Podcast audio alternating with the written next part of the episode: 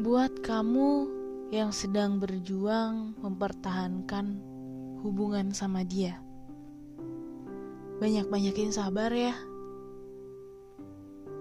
karena tidak semua kenyataan sesuai dengan keinginan.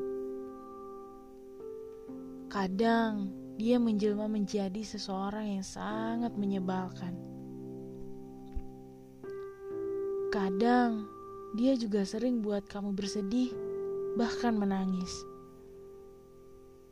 Tapi kamu tetap menganggap dia adalah seseorang yang istimewa. Dia adalah seseorang yang sangat kamu cintai. Dan dia juga adalah orang yang paling sering menyakiti hati kamu.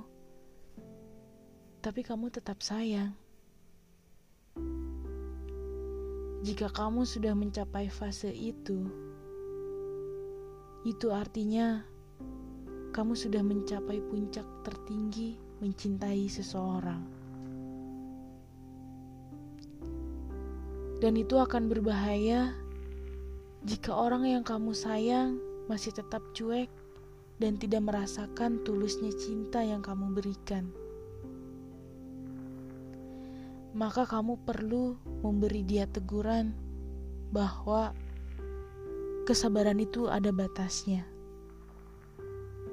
Dan jangan merasa sebegitunya dicintai sampai lupa cara menghargai.